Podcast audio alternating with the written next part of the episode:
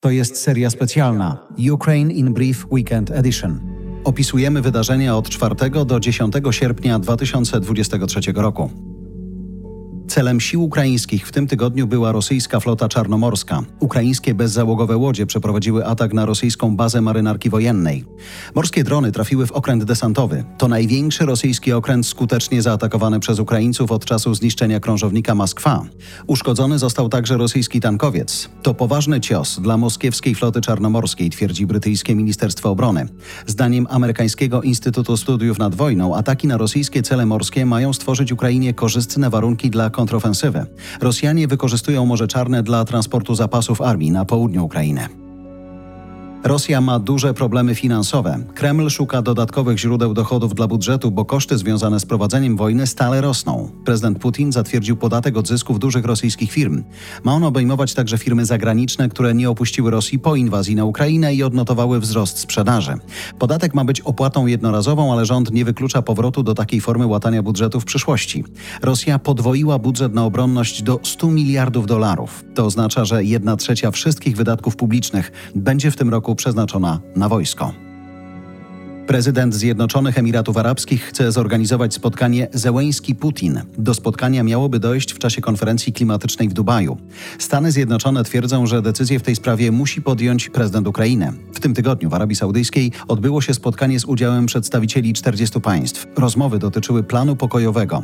Wśród uczestników znaleźli się sojusznicy Ukrainy, ale także uważany przez Rosję za potężnego partnera Pekin. Delegacja rosyjska nie została zaproszona na to spotkanie. Na Białorusi ruszyły ćwiczenia wojskowe. Szkolenia odbywają się przy granicy z Polską i Litwą. Polskie władze zdecydowały się zwiększyć liczbę żołnierzy strzegących granicy z Białorusią o 2000 osób. Powodami takiej decyzji są także naruszenie polskiej przestrzeni powietrznej przez białoruskie śmigłowce i obecność na Białorusi najemników Jewginija Prigorzyna. Na granicy polsko-białoruskiej ma się znaleźć około 10 tysięcy żołnierzy, zapowiedział polski minister obrony narodowej. Unia Europejska uderza w Białoruś kolejnym pakietem sankcji. Jednym z powodów jest białoruska pomoc Rosji w prowadzeniu inwazji na Ukrainę. Tym razem Unia zakazała eksportu na Białoruś silników lotniczych i dronów. Przedstawiciele białoruskiego reżimu i propagandyści z telewizji państwowej trafili na czarną listę. Amerykańskie czołgi Abrams ruszą na Ukrainę. Stany Zjednoczone zatwierdziły wysyłkę pierwszej partii sprzętu. Czołgi mogą trafić na front wczesną jesienią. Do tej pory USA udzieliły Ukrainie pomocy o wartości ponad 66 miliardów dolarów, podaje Washington Post.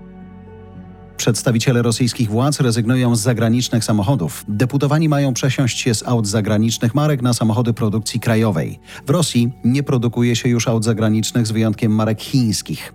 Ograniczony jest także dostęp do większości części zamiennych. Taka decyzja przedstawicieli władz ma wspomóc rozwój rosyjskiej motoryzacji.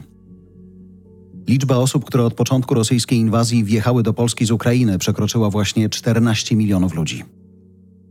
To była seria specjalna Ukraine in Brief Weekend Edition.